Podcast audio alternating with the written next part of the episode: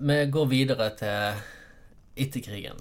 Eh, da ser eh, Altså, Osterøy ser jo sånn bygdemessig ut, mye sånn som det har gjort eh, i mange, mange år før. Med skoler, butikk og postvesen og dampskipkai og ja, små, små samfunn som klarer seg sjøl. Hva skjer nå? Ja, det er jo selvfølgelig Det viktigste, kanskje, det er jo det at eh, samferdsla blir lagt om fra sjø til land. Eh, og det er jo Det fører jo til at en del av de gamle sentrale eh, dampstoppene de får eh, sakte og sikkert mindre betydning. Og danner seg nye knutepunkt. Eh, Og eh, så får du i tillegg dette her at eh, bilen han blir eh, etter hvert allemannseie. For iallfall Når kom bilen på Osterøy, hvis du vil? Nei, da, nei den, det vet jeg ikke. Men eh, de første bilene er jo allerede på plass i 20-åra. Men det er jo en enslige svale, får en kalle det. Men eh, det som skjer den, den virkelige forandringen, da må du faktisk fram til 60-tallet. Og eh, fram til den tid så er egentlig disse her eh, bygdene rundt om på Eine, de er de er veldig sånn eh, Et slags egne univers. For da at folk har de fleste Iallfall de mest nødvendige tilbud. De har det i lokalmiljøet. Der har de butikk, de har Ja, mange har dampstopp. Eh, De har eh, post, de har eh, telefonstasjon. Sånn at disse småbygdene de fungerer nesten som sine egne univers, der folk har eh, tilgjengelig det viktigste. Du trengte ikke reise noen plass, egentlig. Eller iallfall i relativt liten grad, får en si. Men når du kommer utover på 60-tallet, altså bilen ble frigiven eh, fram til 1960-61, så var bilkjøp det var rasjonert.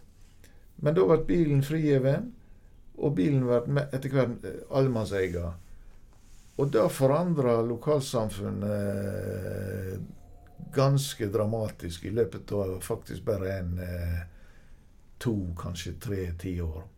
Sånn at i løpet av 60-, 70-tallet i alle fall, og øh, kanskje 80-tallet, så blir mange av de funksjonene som du hadde i nærmiljøet, i, ute i skolekretsene, de funksjonene forsvinner sakte og sikkert. Og øh,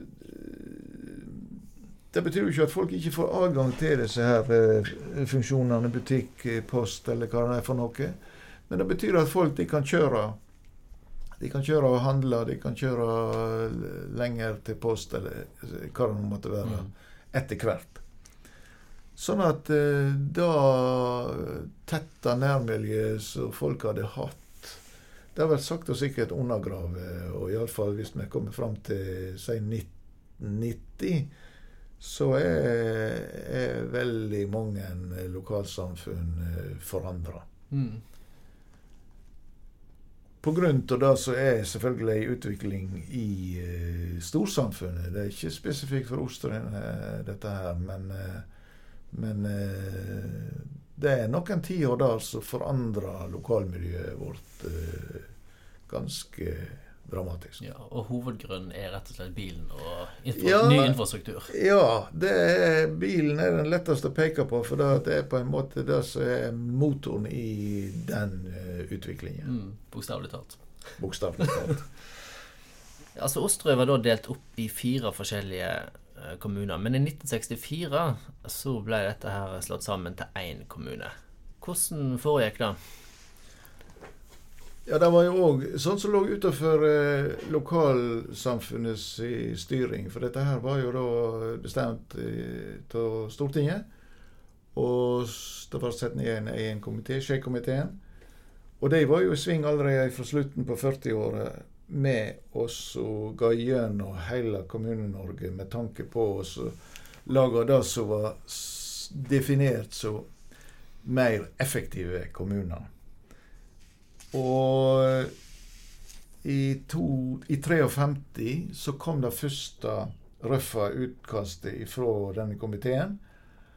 Og da lå det allerede så tidlig an til at eh, de fire kommunene på Osterøyene på en eller annen måte eh, kom til å bli en, eh, en eller annen variant av ny kommune. Så gikk det noen år, og så kommer da i slutten på 50-året. Og da er det kommunestyret for alvor diskuterer det som er et mer konkret framlegg fra Skei-komiteen.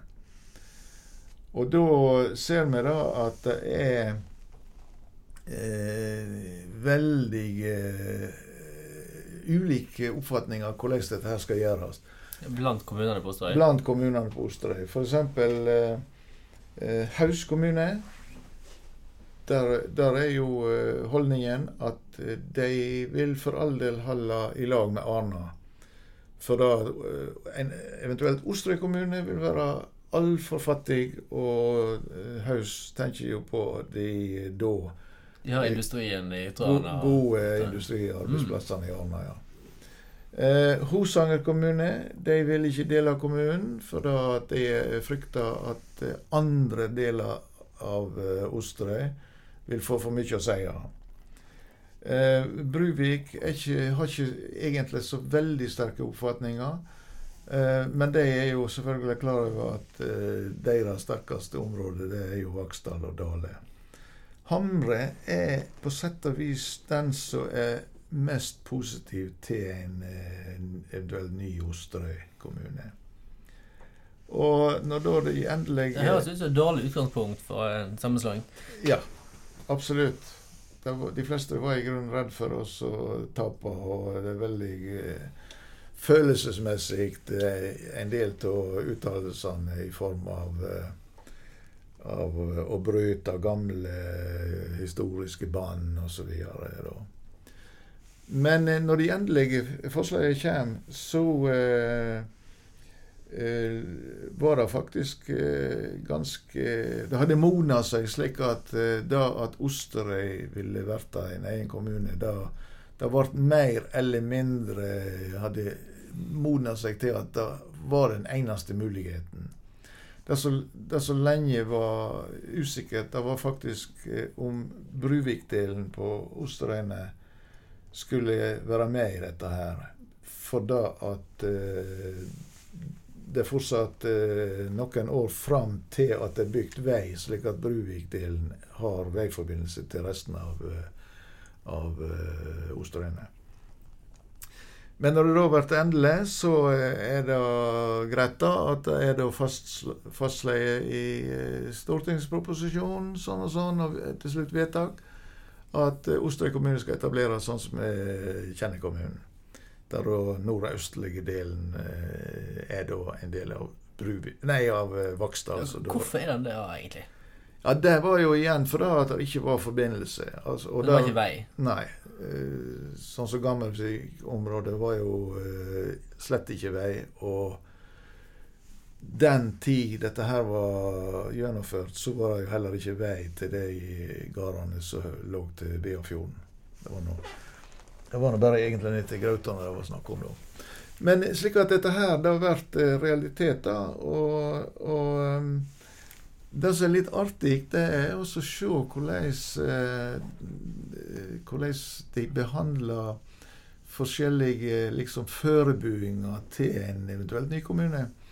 For at Fylkesmannen i Hordaland han gikk allerede tidlig ut, tidlig på 50-tallet gikk han ut og advarte kommunene i å legge for store investeringer i kommunehus, eh, sykehjem, eller gamlehjem, som det var noe kalt da. Altså i det hele, og skoler òg, for den del. Eh, ikke legge for mye investeringer i sånne ting, for det ville komme en kommunereform. Og da f.eks. Hamre de eh, tok da nota, for de, der snakket de om å bygge kommunehus. Og de nødde seg med oss å få fatt i tyskerbrakke, så de da uh, satte opp. Uh, ja, så de hørte på rådet? Ja. Hosanger kommune, derimot, de hører ikke på rådet. De bygde nytt uh, kommunehus som var ferdig til 54. Og uh, aller mest ekstremt var kanskje at på det siste formannskapsmøtet de hadde i 30. desember i 63, da vedtok de å godkjenne alle anbudene som var kommet inn på en ny Hosangerheim. Sånn at der var jo den nye Osterøy kommune som uh, fikk i oppgave å egentlig bygge Hosangerheim. Okay, så folk sitter for sine da på slutten? Definitivt. Det var en kamp om uh, Og en redsel for å tape hvis det at en uh, liksom kom i uh, slags baklekser. Mm. Og det viste seg jo òg når de hadde kommunevalg høsten 63 til det, det nye kommunestyret, så var det jo arbeid Og der er igjen Hosangers De arbeidet intenst for oss å få folk til å stemme eh, på samme måten, slik at de kunne få inn flest mulig fra Hosanger. Og når du da får Det var til og med arbeid med, med å sette opp eh, lister over hvordan folk skulle både stryke og, og, og da stemme. Og når da eh, valget er klart så får jo Hosanger-delen av den nye kommunen en veldig, veldig overrepresentasjon. Mm. Og det går jo egentlig mest utover Gjerstadsokkene. Og det er jo tydelig på den måten at folk i Gjerstadsokkene de tok for gitt at de ville bli et slags eh, opplagt sentrum for den nye kommunen. Så de trang ikke gjøre så mye, for det var så innlysende at det var der knutepunktet måtte være. På Gjerstad? Nei, altså Gjerstad sokne. Altså, det var jo først og fremst Lugnevåg. Ja, det er Lugnevåg snakk om. Ja. ja. Mm. Og eh, de fikk eh, nesten ikke representasjon. Okay. Men det ble jo kommunesenter likevel? Ja, men det var jo etter mange, mange års eh, strid det, og det var mange element som var inne i den striden om kommunesenteret. Du hadde først ungdomsskolen, som skulle da bygges eh, etter den eh, nye skoleloven. Hvordan skal den bygges? Og der var jo både skolesjef og skolestyreformann og med skolestyreflertallet gikk jo inn for å bygge tre ungdomsskoler. Mm. Uh, og det enda jo med da én ungdomsskole. Det var den første prøvestein på hvor uh, samkjørt den nye kommunen var. Mm.